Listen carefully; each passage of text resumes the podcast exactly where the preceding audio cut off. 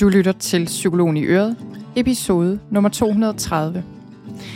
Velkommen til den her podcast, som er til dig, der gerne vil have lidt mere ro i krop og sind. Jeg er psykolog, og med den her podcast vil jeg gerne give dig viden, erfaring, dele forskellige praktiske værktøjer, som kan hjælpe dig til mere ro, mere mening og mere glæde i din dag. Det handler først og fremmest om at vågne op her og nu, så lyt med og lad dig inspirere. Igen, velkommen til Psykologen i Øret. Jeg er psykologen Birgitte Sølstein, og Øret, det er dit.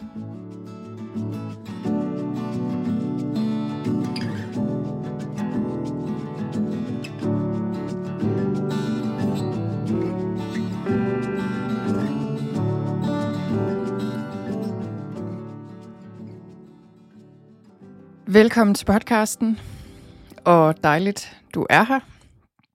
Og øh, ja, dejligt, jeg er her, skulle jeg lige til at sige. Det holdt lidt hårdt at komme i gang med at optage den her podcast episode i dag. Så øh, måske skulle vi bare lige starte i dag med at trække vejret. Ind og ud. Og det her med lige at trække vejret og bare lige give os selv et øjeblik til at lande, det er noget, jeg er blevet bedre til over tid. Det var også noget, jeg gjorde her tidligere i dag. Der havde jeg, øh, det er torsdag i dag, torsdagen inden den her episode kommer ud, og jeg havde en live session med mit hold på ro, deltagerne på ro. Jeg har, I dag har jeg et, i formiddags havde jeg en, og så en live session, og så i aften har jeg en mere. Men øh, der brugte vi også bare lige to minutter på det der med lige at trække vejret og lande og komme til stede. Og det gør bare en forskel. Det gør det for mig hver eneste gang, jeg gør det. Nogle gange giver det mig 5% mere nærvær, og nogle gange har jeg virkelig den der fornemmelse af, okay, jeg er ligesom skiftet fra en helt anden tilstand og ind i mere nærvær. Så øh, ja, det, det er virkelig noget, som, øh, som jeg tror, vi skal vende os til noget mere i det hele taget. Giver os selv plads og rum og ro til lige at trække vejret. Bare lige at tage en pause, inden vi går videre. Så det er hermed gjort. Og grunden til, at det holdt lidt hårdt i dag med at få indspillet den her podcast episode, det øh, er fordi, at Øh, jeg har de her live-sessioner, men udover det, så har min datter også været hjemme, fordi hun har været syg, så det er jo sådan noget, det har hun været i et par dage, og det er jo sådan noget, der lige kan vælte alle mulige planer, og øh, min mand har taget i noget tiden, men i dag måtte hun så være herhjemme.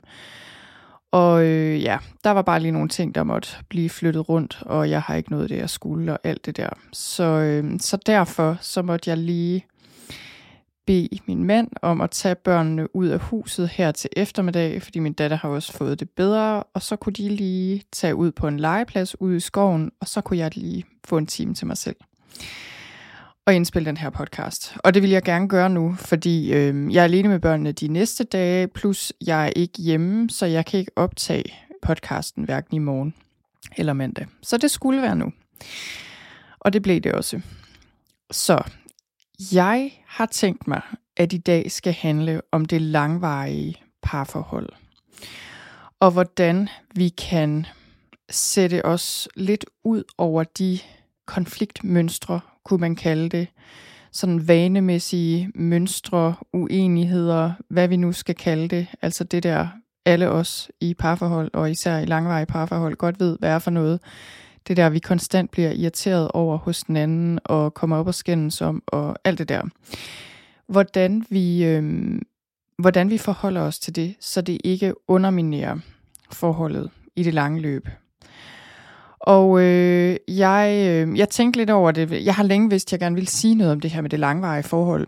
Og det er fordi, jeg føler, øh, altså der er, jo, der er jo masser af, af gode råd og gode bøger i forhold til parforhold som, øh, som er rigtig gode. Men jeg synes nogle gange, at det, der fylder i medierne, det er mere sådan den der nye kærlighed, eller relativt nye kærlighed. Altså folk, der har været sammen et par år, eller måske lige er blevet forelsket, og poster på Instagram hele tiden, at de er stukket af øh, til Barcelona i en weekend.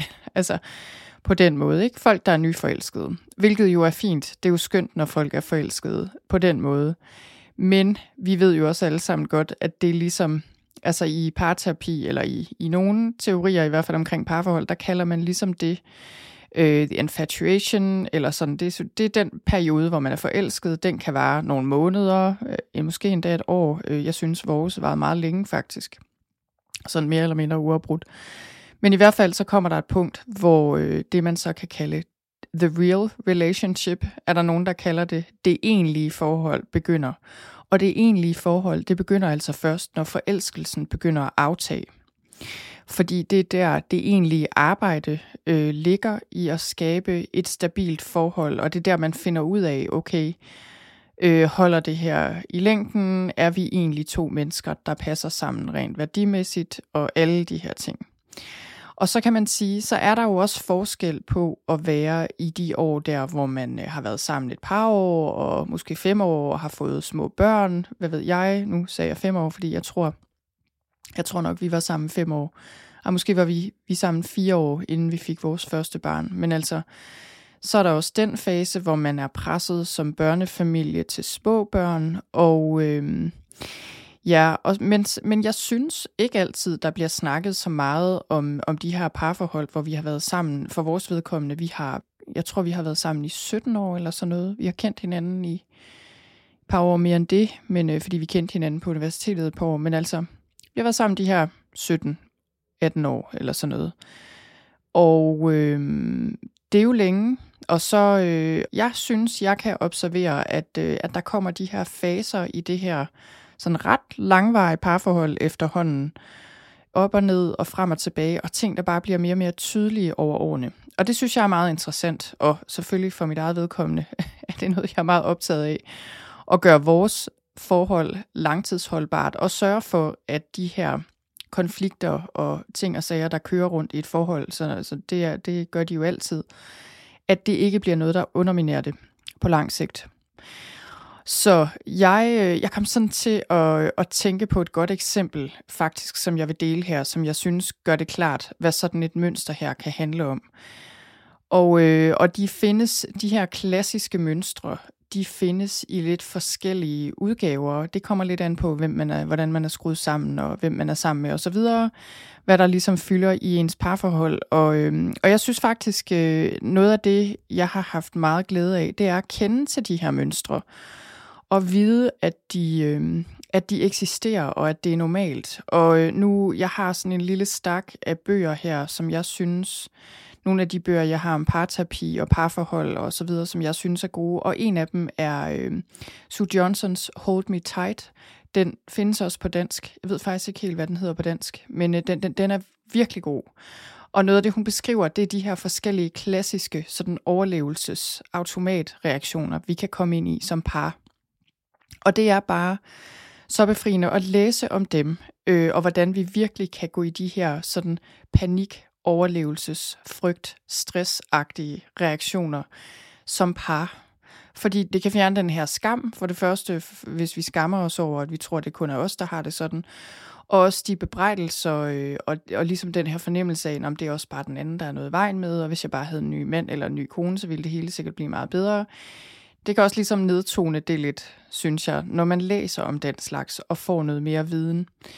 En anden bog, jeg rigtig godt kan lide, det er Pas på parforholdet af Mathias Stølen Due. Den synes jeg er rigtig god. Noget af det, sådan som jeg husker den i hvert fald nu lidt tid siden, jeg har læst den, bygger øh, på Gottmans teori og metode, øh, som, øh, som er meget udbredt og rigtig, rigtig godt.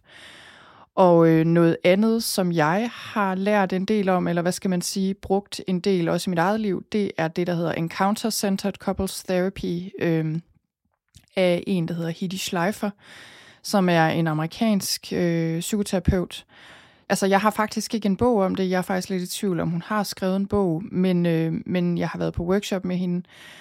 Og det er en... Øh, ja, hvordan skal man nærmest beskrive det? Den metode går meget ud på ligesom at connecte med hinanden som par på et dybere plan på en autentisk måde. Og ligesom opnå følelsesmæssig heling, kan man måske sige hver især, men gennem pararbejde. Og der er sådan forskellige måder, man arbejder med det på, hvor man ligesom arbejder med rummet mellem parret, altså rummet, rummet mellem to mennesker, og det her med crossing the bridge, som hun kalder det, altså gå over broen og hen til den anden, og ligesom gå på besøg hos hinanden. I hvert fald, så, så det er endnu en tilgang, som jeg er meget inspireret af, og som jeg, øh, jeg synes, jeg har lært meget af, og som vi også har kunne bruge i, øh, i vores parforhold herhjemme. Men altså, det var også bare for lige at sige det der med, jeg synes virkelig, det kan være meget givende at læse bøger, eller lytte til podcasts, eller hvad man nu gør om det her emne, fordi man bliver bevidst om, okay, alle kæmper med det her. Øh, der er ingen grund til at male et lyserødt billede af det langvarige forhold, fordi jeg er sikker på, at der er nogen, der har ret harmoniske og nemme forhold i længden. Der er sandelig også mange, der ikke har, og det er helt normalt. Men den her episode den anden dag, som jeg vil dele med jer her, den øh, synes jeg gør det klart, hvordan sådan et mønster her kan se ud. Det var en episode omkring en vandhane, vi har i køkkenet, eller havde, fordi nu har vi en ny. Og det, det er bare et eksempel på det her med, at vi kan skændes og blive uenige om ting, der på overfladen virker altså enkle som, og meget konkrete, som for eksempel en vandhane. Men det er jo i virkeligheden noget helt andet, der foregår. Altså det er jo nogle helt andre ting, der i virkeligheden er i spil. Nogle gange er en vandhane sikkert også bare en vandhane, men det var det i hvert fald ikke her. Så, så det her, det handler om, at vi havde en vandhane, som har siddet i vores køkken, siden vi flyttede ind i vores hus for to og et halvt år siden. Og vi havde hele tiden tænkt, jeg havde i hvert fald hele tiden tænkt, den vandhane skal skiftes, fordi den sidder ikke ordentligt. Fordi der er blevet monteret en forkert vandhane i forhold til, hvad der giver mening der, hvor den sidder. Fordi den sidder sådan lidt op ad en væg, så den kan dybest set ikke rigtig være der. Og det var bare irriterende.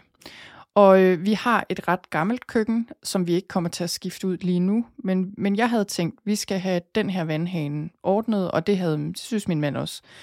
Det skete ikke rigtigt også, fordi der var 10.000 andre ting, der lige skulle ordnes i det her lidt ældre hus, vi har overtaget. Men øh, så, skete der, så var der så også det med det, at den sad lidt løst, fordi det er en ældre bordplade, og, og den begyndte at sidde mere og mere løst. Og jeg blev mere og mere irriteret over det her. Og det, det er simpelthen, det her er noget, mig og min mand, vi kan blive utrolig øh, meget uvenner over, eller især kan jeg blive meget irriteret på min mand over sådan nogle praktiske ting her. Øh, fordi min mand er ikke sådan den praktiske type på den måde. Han er ikke håndværkertypen, der render rundt og ordner alt muligt. Det, så gør han så meget andet. Smører madpakker og leger med børnene og gør alt muligt praktisk. Men det er bare, det her er ikke noget, han lige selv gør. Eller sådan lige. Det er ikke noget, der lige falder ham naturligt. Og heller ikke mig. Jeg er heller ikke typen, der lige, det kunne jo også være mig, det er det heller ikke, der lige ordner det selv. Så vi skal have nogen til det, og det var ikke så nemt. Alle VVS'er var optaget, og der gik lang tid. Og jeg går og irriterer mig over det her hver evig eneste dag, fordi jeg ser det. Og det gør min mand ikke. Og jeg har, nu er der så, nu spoler vi så godt to år frem, og jeg har gået og sagt det her jævnligt, og min mand har sagt jævnligt, jamen det skal vi også, og jeg ringer til en eller anden, og så bliver det ikke rigtigt til noget. Nå, og det udvikler sig så af to omgange til et skænderi, eller i hvert fald mig, der bliver virkelig irriteret og sur over det her, og kan ikke forstå, hvorfor det kan være så svært. Og med til historien hører så også, at jeg flere gange siger til min mand, skal jeg bare tage over på det her, skal jeg bare sørge for at få kontaktet den her VVS'er, fordi jeg vil rigtig gerne have det ordnet. Nej, det skulle jeg ikke, fordi det ville han. Øh, fordi der bliver han så også lidt ærekær, og vil ligesom gerne ordne det selv øh, nu når han ikke har fået det ordnet i første omgang. Og jeg bliver mere og mere frustreret, og samtidig kan jeg ikke rigtig gøre noget, fordi han ikke vil have, jeg gør noget. Så det udvikler sig til først et skænderi, øh, vil jeg sige, i den første omgang, hvor, hvilket så medfører til sidst, at vi får ringet til en VVS'er, der kommer en VVS'er ud, skifter vandhanen, øh, en dag, hvor jeg ikke er hjemme, så kommer jeg hjem, og det viser sig, at VVS'eren har sat den samme slags vandhane på igen. Den er godt nok ny og sidder fast, men det er akkurat den samme type, det vil sige, der er stadig ikke plads til den, og det ser helt forkert ud og er mega upraktisk, og altså, riser væggen. Det giver slet ikke mening. Og jeg kan ikke forstå, at min mand ikke har set det.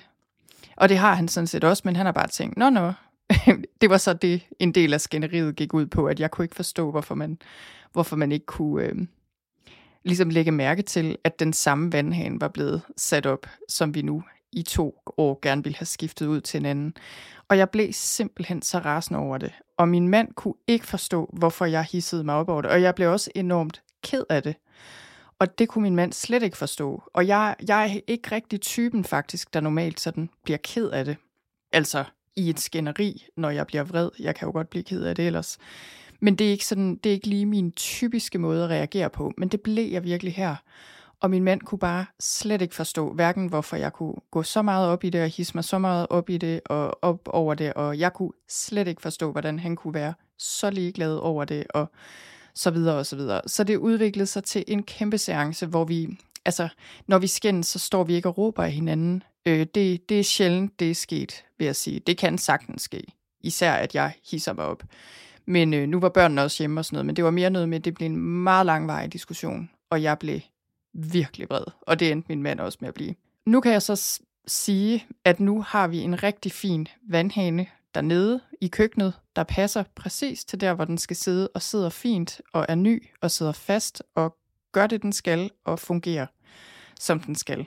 Det blev enden på det hele, da vi fik VVS'eren ud anden gang for at sætte en ny på. Og jeg deler det her simpelthen for at sige, at den her type af konflikter, nu her, nu det her et eksempel. Øh, I har sikkert måske samme eller en eller anden anden variation af samme, altså et eller andet andet, I kan blive uenige om. Det kan være nogle helt andre ting, det kan være, at det ikke er de praktiske ting. Så kan det være, øh, I har konflikter, der mere handler om, eller problemer, for det behøver ikke altid at være konflikter, det kan også være savn og og frustrationer og sådan, men for eksempel i sexlivet eller det følelsesmæssige liv, altså omkring børneopdragelse, omkring penge, det kan være mange ting. Øh, jeg vil sige, min mænd og jeg, det er rigtig meget sådan nogle praktiske ting her, vi har problemer med og har konflikter omkring. Det er meget det, det koncentrerer sig om. Det er ikke, at vi ikke har forskelligheder, om, altså rent følelsesmæssigt og på andre områder, men det er ikke det, det, jeg synes langt hen ad vejen, der er mange områder af vores parforhold, der fungerer rigtig godt. Vores værdier er meget ens, når det kommer til børneopdragelse, og, og på mange punkter øh, ligner vi også hinanden meget. Men vi er selvfølgelig også utrolig forskellige, og lige på det her punkt, de praktiske ting, der kan det være svært. Virkelig svært nogle gange. Og jeg sidder også lige og tænker nu, hvorfor er det, jeg ikke har... Øh, ej, jeg ved faktisk godt, hvorfor jeg ikke har inviteret min mand med. Det var fordi, det overvejede jeg også. Det var bare ikke så praktisk, fordi han er lidt meget af sted. Og jeg besluttede mig for, at jeg hellere ville invitere ham til noget andet op mod jul, tror jeg, hvis han vil med. Nu tror jeg aldrig rigtigt, at han hører min podcast, men hvis han gør, så er det ikke sikkert, at han vil være med efter den her. Han ved selvfølgelig godt, at jeg deler det her. Men anyway, I har sikkert også et eller andet kørende i den her stil, i det langvarige parforhold. Fordi det har alle. Det er bare sådan, det er. Og øh, man kan sige, der er jo forskel på et grundlæggende godt parforhold, som er sundt og godt og trygt, hvor der så er konflikter og forskelligheder og irritationsmomenter og alt det her problemer med nærhed og, og afstand og alle de her ting. Der er forskel på det.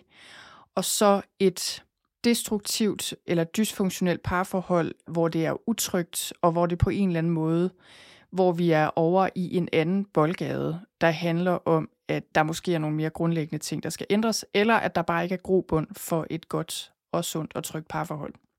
Så jeg er jo ikke fortaler for, at man bliver i et parforhold, hvis konfliktniveauet er højt, eller hvis konfliktniveauet er af en karakter, der er for destruktivt eller utrygt, også for børnene især. Så det, det er ikke det, jeg står og siger her.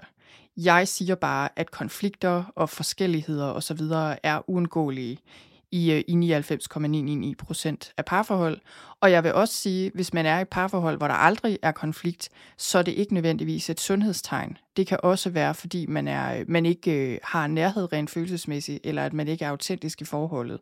Så jeg siger ikke, at man skal skændes for at have et autentisk parforhold, men øh, det er nok lidt det, jeg siger alligevel. At hvis man er i god kontakt med sin vrede og sine grænser og behov, så vil der være nogle forskelligheder en gang imellem, der bare ikke helt harmonerer, når man er to voksne mennesker, der bor sammen, og, og måske har børn sammen osv., hvis man har det. Nå, men det jeg så gerne vil, øh, dele lidt omkring her, det er egentlig, hvad jeg synes i, i vores tilfælde, og også hvad jeg sådan ved generelt, er noget, der kan være hjælpsomt i forhold til, hvordan vi håndterer de her mønstre og konflikter i parforholdet. Så det ikke underminerer parforholdet, og så vi ikke strander et sted, hvor tingene bare bliver fejet ind under gulvtæppet, og hvor vi opbygger en større og større vrede, eller større og større ensomhed, eller større og større, hvad skal man sige, afstand, opgivenhed i parforholdet. Fordi det er vigtigt. Og jeg kan også sige, at øh, det her er ikke noget, jeg har, jeg har ikke været tilbage i mine bøger, eller jeg har ikke siddet og tænkt længe over, hvad jeg deler her. Jeg deler faktisk bare min erfaring både min personlige og faglige. Nogle gange gør jeg jo det, når jeg laver en podcast episode, at jeg sætter mig ned og researcher og faktisk også skriver og virkelig overvejer, hvad er det, jeg vil sige her. Den her episode fungerer på den måde, at det bare er mig, der deler. Sådan mere løst. Men jeg vil sige, at i noterne til den her episode, som man kan finde inde på min hjemmeside, der linker jeg til for eksempel de bøger her, jeg lige har øh, nævnt, og også links til andre episoder, jeg har lavet om emnet, som man kan dykke ned i hvis man gerne vil blive lidt klogere også på, på videnskaben bag. Men tilbage til det her vandhane-skænderi, som er vores øh, case, som vi tager udgangspunkt her. Det, der skete her, det var for det første, at vi skændes i lang tid om det her, og nu er vi sådan, nu, nu er vi i gang med andet skænderi, der hvor, øh, inden VVS'eren kommer og sætter den endelige vandhane på. Det var virkelig, og det, og det var også alt for længe, og børnene var hjemme, og det var ikke specielt optimalt ja, vi var helt ude med det til sidst. Så det var, ikke, det var ikke noget, vi taklede på en specielt optimal måde lige der, vil jeg sige. Men der kom et punkt, hvor, øh, som der jo altid gør, hvor vi så går hver til sit. Hvis ikke vi lige umiddelbart kan connecte, så går vi hver til sit, og min mand gik udenfor, og jeg lavede et eller andet. Og der, jeg vil faktisk sige, med os, der plejer ikke at gå så lang tid. Det er sjældent, der er gået mere end en dag, bortset fra, der har været et par pressede perioder i vores parforhold, hvor der er gået længere tid, hvor vi sådan har, har mistet kontakten lidt mere grundlæggende. Men jeg vil ellers sige, altså som udgangspunkt, så jeg er ikke rigtig typen, altså jeg kan blive meget vred, men jeg kan heller ikke være det ret længe, og jeg kan ikke rigtig holde ud øh, så godt. Jeg kan sådan tænke, åh, nu gider jeg aldrig at snakke med min mand mere, og nu øh, pakker jeg min kuffert, og øh, pakker mine børn, og altså, det, det gør jeg jo ikke. Det er jo, det er jo ikke der, jeg er ude. Men jeg kan godt have den der følelse, åh, jeg orker det bare ikke mere, og jeg gider simpelthen ikke det her ægteskab. Men det varer sjældent ret længe faktisk, og vi plejer at connecte ret hurtigt efter sådan en omgang, altså en halv time måske, eller så hvis vi har haft en dårlig morgen, så plejer vi at ringe til hinanden ret hurtigt i løbet af dagen. Lidt forskelligt, hvem der ringer også. Nogle gange er det mig, nogle gange er det min mænd.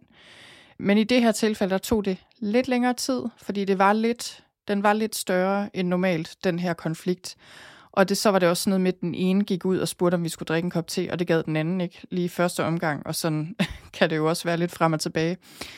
Men på et eller andet tidspunkt, så fik vi os sat os ned. Og det første, jeg vil sige i forhold til det her med at komme videre fra sådan et mønster, og sådan en konflikt her på en konstruktiv måde, det er, at vi simpelthen ser konflikten lidt udefra. Og nogen vil kalde det, at vi går i team mode, altså, eller man kunne også kalde det sådan et, vi lige hæver bevidsthedsniveauet. Altså ja, at vi lige udvider bevidstheden lidt, og kigger på det her lidt udefra eller ovenfra, og ser det i perspektiv sammen. Så det vil sige, når vi så taler om det, fordi lige før, mens man er i konflikten, så er det jo, du er også sådan, og du er også sådan, og jeg kan heller ikke forstå, og du kan heller ikke forstå. Altså, og så er vi på et eller andet tidspunkt lige er dampet nok af til at kunne sige, okay, der var en konflikt, vi kigger på den sammen og snakker om den som det, det er. Et mønster, som vi begge to har fat i hver sin ende af. Altså det er fuldstændig, det er ligesom en tango. Det er ikke den ene skyld, og det er ikke den anden skyld. Og det er ligesom, det er en dans, det er et mønster. Det er en ting, der foregår i forholdet, i relationen, og, og det er bare kørt afsted med os. Og det er jo ikke, fordi man behøver at have lange teoretiske diskussioner om det, men på en eller anden måde bare lige connecter og kigger på det sådan lidt udefra. Og jeg tror, at for at kunne gøre det her, der skal man ligesom gøre op med sig selv. Man skal kunne træde ud af sit ego, og det, det kan jo være mega svært, når man er meget vred. Det kan jeg heller ikke altid. Men det der med at kunne træde tilbage fra ens egne reaktioner og behov, og sådan ligesom ikke, ikke dybe, grundlæggende basale behov, men ligesom det behov, der kan opstå for eksempel for at få ret, altså egoets behov for at få ret, for at vinde, for at være den klogeste, hvad ved jeg, øh, for at bevare kontrollen, for ikke at virke sårbar, alle de her ting, som egoet er meget optaget af. Der kan man sige, når vi skal bliver fanget i de her spiraler, hvor man også kan sige, at det typisk er, er vores ego, altså hver parts ego, der ligesom kommer i spil på en uhensigtsmæssig måde, så skal vi træde ud af egoet. Giv slip på det. Og man siger jo det der med, hvad vil du? Altså, would you rather be right than happy? Altså, vil du hellere have ret, end at være glad eller få fred?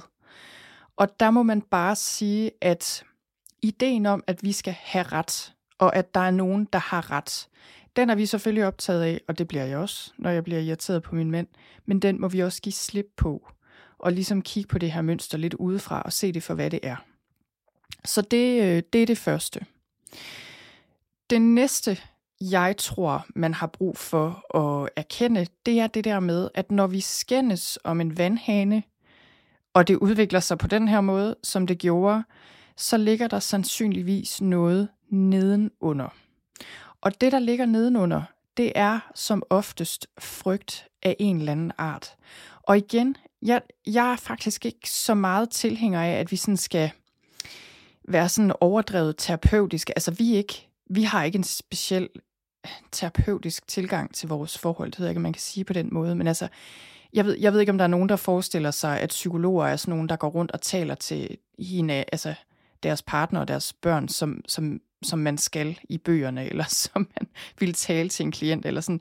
Altså, sådan fungerer jeg i hvert fald ikke. Det tror jeg ikke er naturligt. Og det samme med par. Altså, vi er ikke sådan nogen, der sætter os ned og laver en eller anden... Det har vi før gjort, en parøvelse, men det gør vi jo ikke i dagligdagen. Eller, eller snakker præcis, som man skal i ikke-voldelig kommunikation eller et eller andet. Altså, det er slet ikke det. Det er mere den der bevidsthed om, at når der er et mønster her, og der er en grund til, at vi bliver trigget på den her måde, det handler om mere end bare en vandhane, og det er derfor, det får sådan fat i os. Det tror jeg er vigtigt at kunne forstå, øh, selvom man ikke nødvendigvis behøver at analysere så meget på det, så er det bare vigtigt at forstå, at når vi interagerer med et andet menneske, vores partner, om en vandhane, for eksempel, så er det jo alt det, de, har, de konflikter, din partner har oplevet før i tiden, det din partner har lært om konflikter, for eksempel i det her tilfælde, når jeg begynder at, at kritisere og ligesom angribe, eller, eller hvad skal man sige, øh, forlange noget af min mand, hans tidligere erfaringer med det, øh, de idéer, din partner har om sig selv, altså alt det er med i den interaktion. Og det skal man tage højde for, at det er stærke kræfter, der kommer i spil, fordi det er vores dybe sår, tidlige erfaringer, vores behov for kærlighed, vores behov for også tilpas god afstand, men også tilpas god nærhed. Altså det er ligesom de her helt, helt grundlæggende, men meget, meget kraftfulde ting, der går i gang. Og det tror jeg også er vigtigt at forstå, fordi så, så bliver det nemmere at forstå, hvorfor en, øh, en vandhane for eksempel kan udløse et drama af dimensioner på den her måde. Så tænker jeg, at næste punkt, altså det i hvert fald for vores vedkommende her, for mit vedkommende, det er altid at tage ansvar for min del. Og hvis jeg kan se, at jeg har opført mig på en måde, som jeg ikke synes er okay, og som jeg egentlig er ked af, så har jeg brug for at reparere på det, og så har jeg brug for at sige undskyld. Og øh, så siger jeg typisk, virkelig undskyld, vi havde sådan en dårlig morgen. Det er også, det er også forkert af mig. Jeg gik i gang med at nævne alle de her 10.000 ting, vi skal nå øh, og tage stilling til, jeg kan godt se, det ikke lige var der det mest optimale tidspunkt var. Eller her, du må undskylde, at jeg hisser mig sådan op. Jeg kunne godt have sagt det på en pænere måde, eller jeg vil, øh, altså alt det her. Og så det handler om at tage ansvar for min egen adfærd i den her dans. Og det, der er vigtigt her, det er, at jeg ikke begynder at sige, jamen du må undskylde, at jeg hisser mig sådan op, men det er også, fordi du er så irriterende at det er også, fordi der er gået så lang tid. det er ikke en undskyld. Det er sådan undskyld, men ikke undskyld alligevel, fordi det er din skyld. Altså, det kan man, sådan kan man jo godt have det, og tænke det inde i, måske, hvis man ikke er kommet helt ud af den der bebrejdelses ting. Men det er bare at sige, det må du undskylde. Det er jeg ked af her er det jo så, altså heldigvis, jeg er så heldig, at jeg er i et parforhold, hvor det her gør vi begge to, og nogle gange er det den ene, og nogle gange er det den anden, der kommer og prøver at reparere. Nogle gange er, vi, er man så modtagelig med det samme, nogle gange går der lidt tid, men heldigvis ikke så lang tid. Og så connecter vi igen. Og man kan sige, så er det jo også nemmere. altså, det, det er ikke svært for mig at komme og sige undskyld for min del, fordi jeg ved, det bliver taget imod før eller siden, og jeg ved også, at min mand er god til at tage ansvar for sin del. Det er selvfølgelig sværere. Det er ikke, det, jeg tænker, der er en ubalance, hvis man altid er den, der kommer og siger undskyld, og hvis man tager for meget ansvar for det her mønster og den her relation. Det er måske lidt en anden diskussion. Men i hvert fald, det her med at prøve at reparere og, øh, og ligesom komme på samme hold igen, og sådan lige connecte igen. Og så kan man sige, at i nogle tilfælde kan det jo være, at man bare skal lade ligge. Altså, for vores vedkommende var det her løst, og vi havde, vi havde egentlig mest brug for bare lige at samle lidt op og gå ned i haven og drikke den kop te. Og også lige sige undskyld for børnene, for at vi havde stået i køkkenet og diskuteret nærmest hele eftermiddagen. Fordi det var ikke smart, øh, og de kom ud og bad os flere gange om at holde op. Og hvilket, altså det er jeg ikke stolt af at sige, men det, det er virkeligheden, som den er. Øh, og jeg er bare glad for, at de kommer og siger det, men jeg er selvfølgelig glad for, at vi ikke lytter til dem. Men øh, lige i det her tilfælde, der, der lykkedes det først efter et stykke tid. Mine børn er 9 og 13, skal lige sige, så de er jo store nok til selv at sige det. Ikke at det burde være nødvendigt. Nå. Men man kan sige, at i mange tilfælde vil det måske være noget med bare at give slip på det, hvis det ikke er nødvendigt at tale mere om det. Men hvis det er nødvendigt at tale mere om det, så øh, findes der mange gode strukturerede øvelser i forhold til, hvordan man kan øve sig i en bedre kommunikation, hvilket handler meget om at, at minde sig selv om, at det, jeg siger, er ikke nødvendigvis det, min partner hører. Fordi jeg siger tingene ud fra min erfaring og mine idéer om tingene, og hvad jeg tror, de betyder. Min partner hører tingene og tonefaldet og det hele ud fra de erfaringer og de idéer og alle de oplevelser, vedkommende har. Så, så det, det er langt fra sikkert, at det du siger, er det den anden hører og omvendt.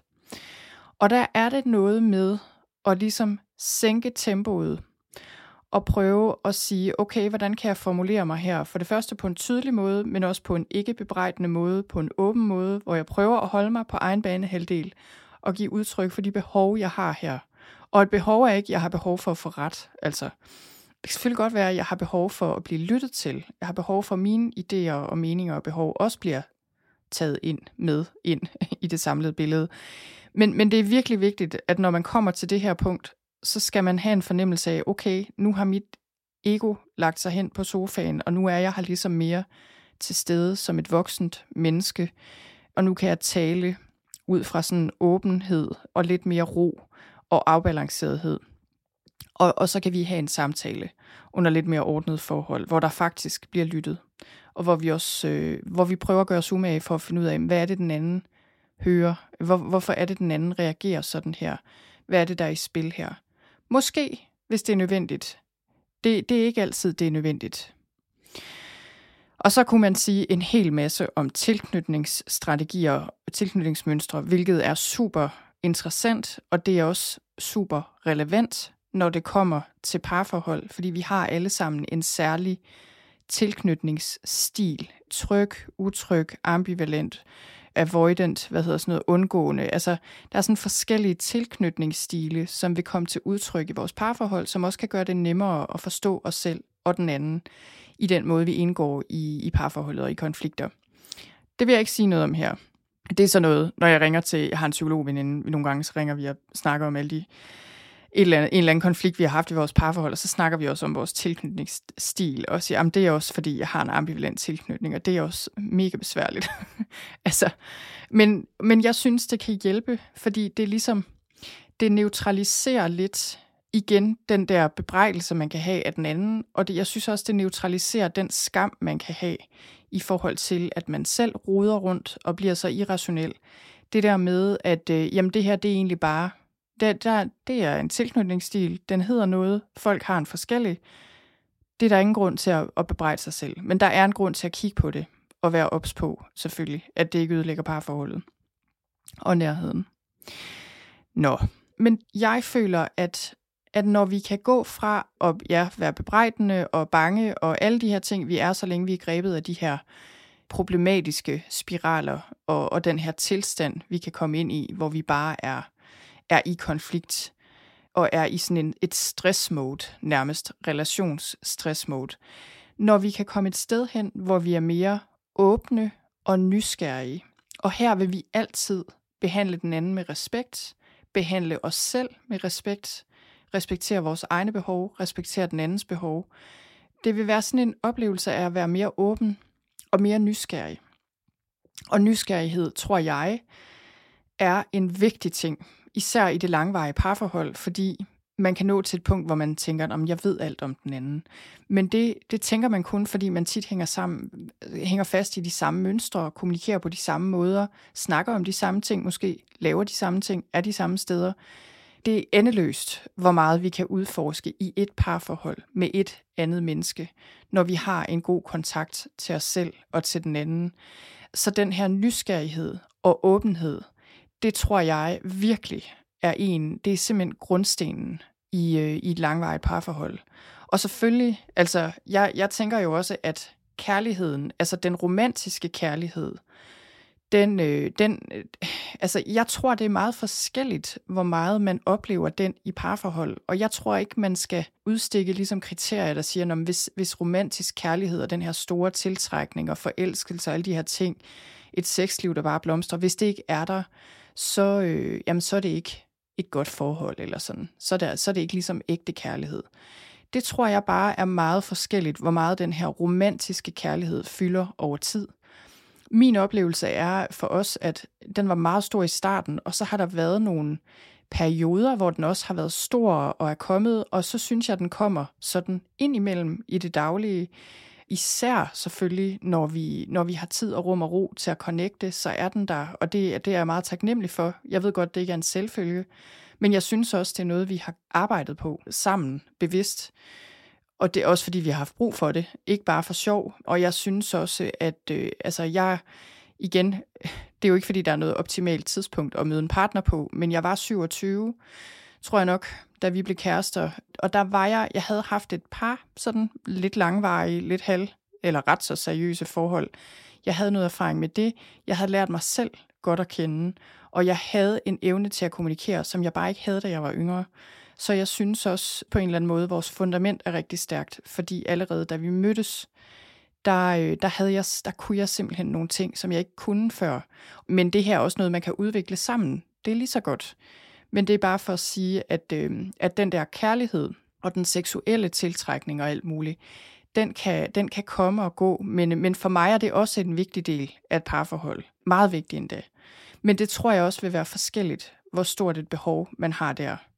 Men det jeg vil sige, altså der er sikkert flere ting i det, i det gode forhold, men for mig i hvert fald personligt, der er den følelsesmæssige nærhed og tryghed, den er fuldstændig altafgørende. Altså, nu sagde jeg lige, at vi kan, vi kan virkelig blive uenige om sådan nogle praktiske ting, og det er også virkelig irriterende. Det fylder meget. Og nogle gange tænker jeg, jeg ved virkelig ikke, hvorfor vi... Hvor, jeg ved simpelthen ikke, hvorfor vi igen har et ældre hus, der trænger til alt muligt, og en kæmpe have, når det er noget, vi kan blive så uenige om. Men vi synes, at et nyt hus, det passede bare alligevel ikke rigtigt til os. Men jeg vil sige, det, det kan jeg godt leve med. Jeg ville ikke kunne leve med, hvis vi ikke connectede følelsesmæssigt, sådan i bund og grund kunne det indimellem.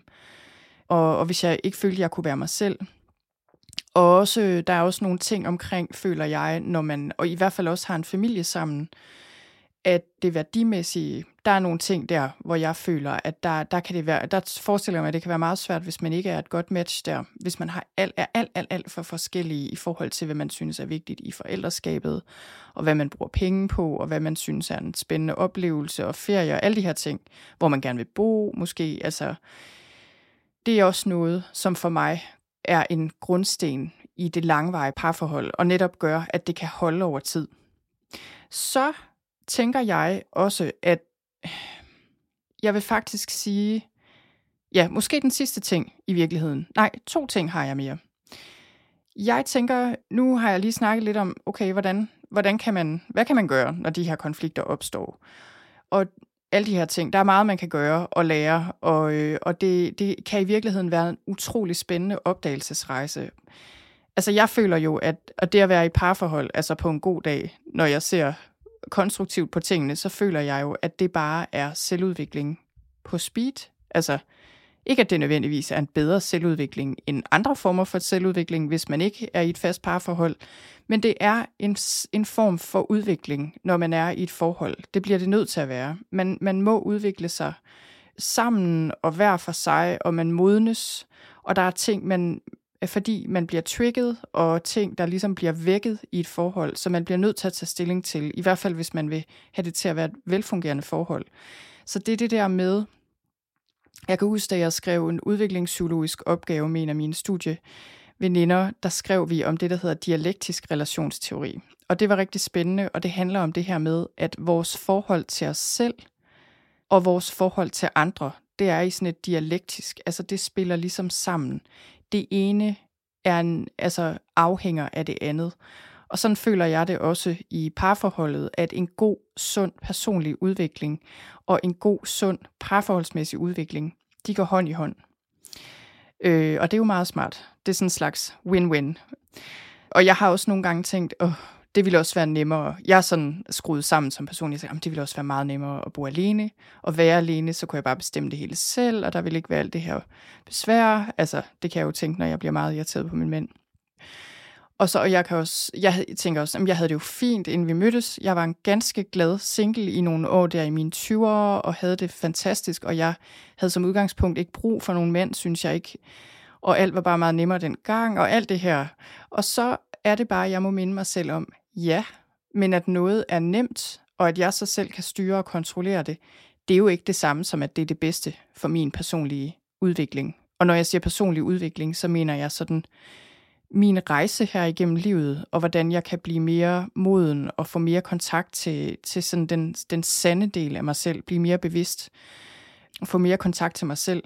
Det er det samme med børn. Jeg tænker da også, jamen det havde da virkelig på mange måder, og på rigtig mange måder, været nemmere for os ikke at få børn. Vi havde, min, min ældste kom til skade ved fødslen, har mange udfordringer på grund af det, hvilket igen stiller os i en situation, som, øh, som stiller nogle ret ekstreme krav, synes jeg nogle gange. Det havde der vildt været nemmere. Men det er jo ikke, altså man kan sige, det er jo ikke målet med livet, at det skal være nemt nødvendigvis. Det er det virkelig ikke. Og det er så noget, der har taget mig lang tid at indse, og noget, jeg skal minde mig selv om jævnligt. Ja, nå, men det jeg egentlig ville sige her, den, den næst sidste ting, jeg vil sige, det er det der med, at når vi kan observere i os til lang, langvarige parforhold, at der er mange af de her, at der er meget stress, og at vi skændes meget om de her små ting, som jo ikke er små, men på overfladen er overfladiske, så kan vi også prøve at kigge på, er vi stressede, altså som par, eller som familie, eller som enkeltpersoner? Fordi hvis vi er stressede og pressede, så er det sværere for os at være åbne og nysgerrige og kærlige og have den her gode kontakt med vores partnere. Altså det, det er det bare. Så jeg føler også, at noget, man virkelig kan tænke på, det er det der med, er der stressmomenter, vi kan fjerne her, som vil hjælpe vores parforhold til at blomstre? Skal vi droppe den der renovering til 300.000, fordi vi har ikke lyst til den økonomiske stressfaktor lige nu. Vi vil hellere have tiden eller pengene til noget andet. Skal vi have børnene passet noget mere? Skal vi give hinanden mere luft, altså så vi laver mere sammen hver for sig? Skal vi være mere sammen? Har vi brug for noget mere tid, hvor vi bare laver ingenting? Øhm, har vi, altså, skal vi arbejde noget mindre? Er der ting, vi skal prioritere? Altså det kan være sådan nogle små ting, men bare det at kigge på, okay, hvordan kan vi give vores parforhold gode kår her, så det kan blomstre og så få noget luft? Fordi det skal passes og vandes. Altså, det kan ikke nytte noget. Det er bare, det, vi, jeg tror, mange af os er opdraget øh, i en tid, hvor man bare sådan tænker, om parforholdet og ægteskabet, det er jo bare sådan noget. Så bliver man gift, og så er det der bare. Og så lever man lykkeligt til sine dages ende, og det er ikke noget. Det er der jo ikke nogen, der ville tænke med en have, for eksempel. Nå, men den står bare der og ser flot ud i 50 år. Altså, det er der jo ikke nogen, der tænker. Det er det samme med parforholdet. Det skal, man skal passe det. Man skal kigge på det, der gror frem, man ikke vil have, der gror der. Og så skal man tænke på, hvordan vil vi i det hele taget gerne have den her have til at se ud. Og så bliver vi nødt til at passe den med jævne mellemrum. Vi kan ikke bare vende ryggen til den i 10 år, og så forvente, at den står der, som den plejer, når vi har brug for den igen. Okay, så det var det sidste, eller det næste sidste, det her med at fjerne stress. Og så vil jeg sige, den sidste ting, som jeg føler har hjulpet mig meget, også fordi nu, jeg, vi er jo meget forskellige, og jeg kan jo godt se, at det, jeg deler her, det er jo sådan meget ud fra den type, jeg er. Og jeg er for eksempel ret, jeg kan være sådan rimelig enrådig og kontrollerende og selvtilstrækkelig og virkelig have en evne til at se alle problemerne i stedet for alt det, der lykkedes, og være ekstremt selvkritisk og jamen på den måde.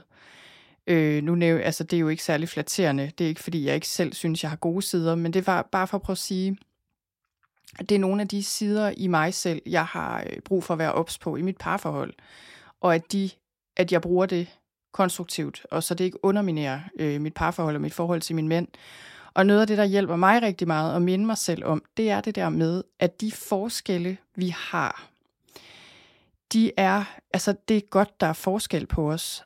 Og så tænker jeg meget på, hvordan er det, vi komplementerer hinanden i hverdagen. Så det er det sidste, jeg vil sige her. Det der med, tænk på, at de forskelle, I har, og de ting, som måske driver dig til vanvid, eller som du ikke forstår, eller som du måske indledningsvis, da I mødtes, synes var vildt spændende, netop fordi det var dele af dig selv, der ikke var så fremtrædende, men som du nu er vildt træt af. Altså tænk på, hvorfor det er godt, at I er forskellige på visse punkter. Fordi det gør jer til et stærkere team.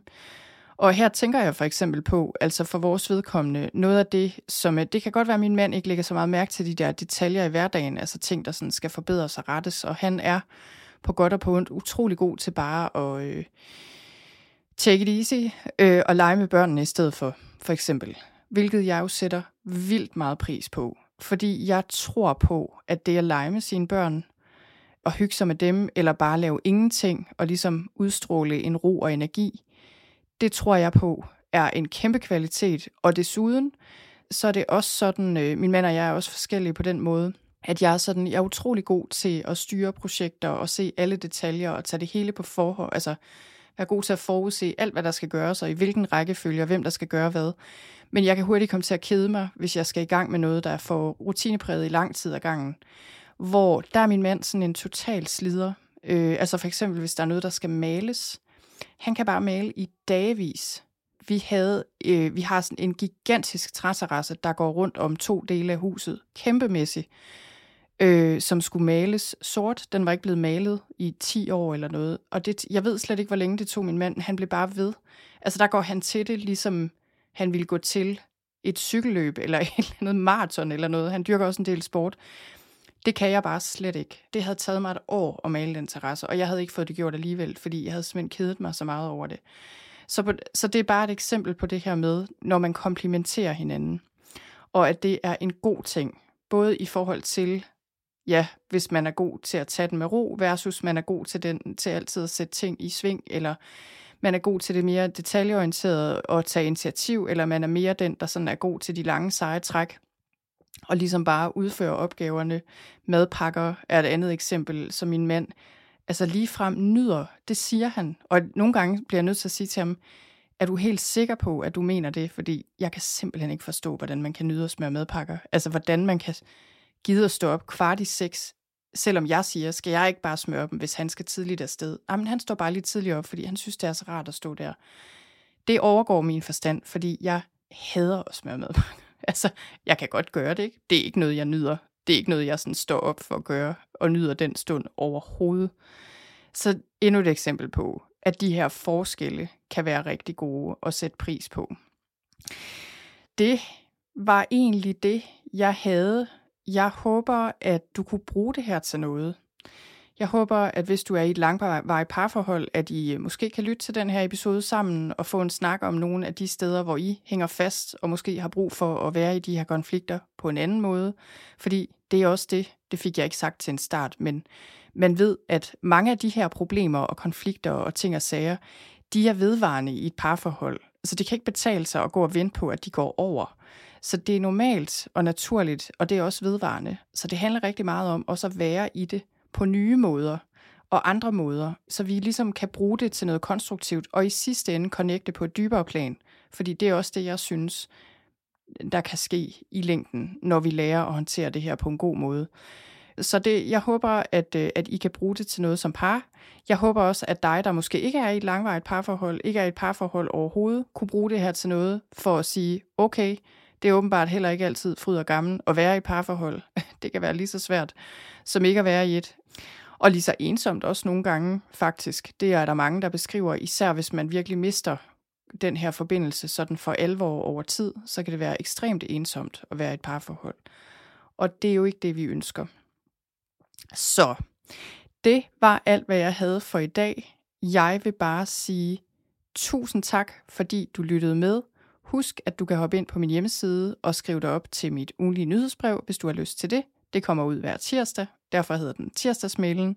Og der sender jeg som regel et link til en ny podcast episode, nogle gange noget andet, hvis der er et eller andet andet under opsejling, workshops eller forløb eller et eller andet, der foregår.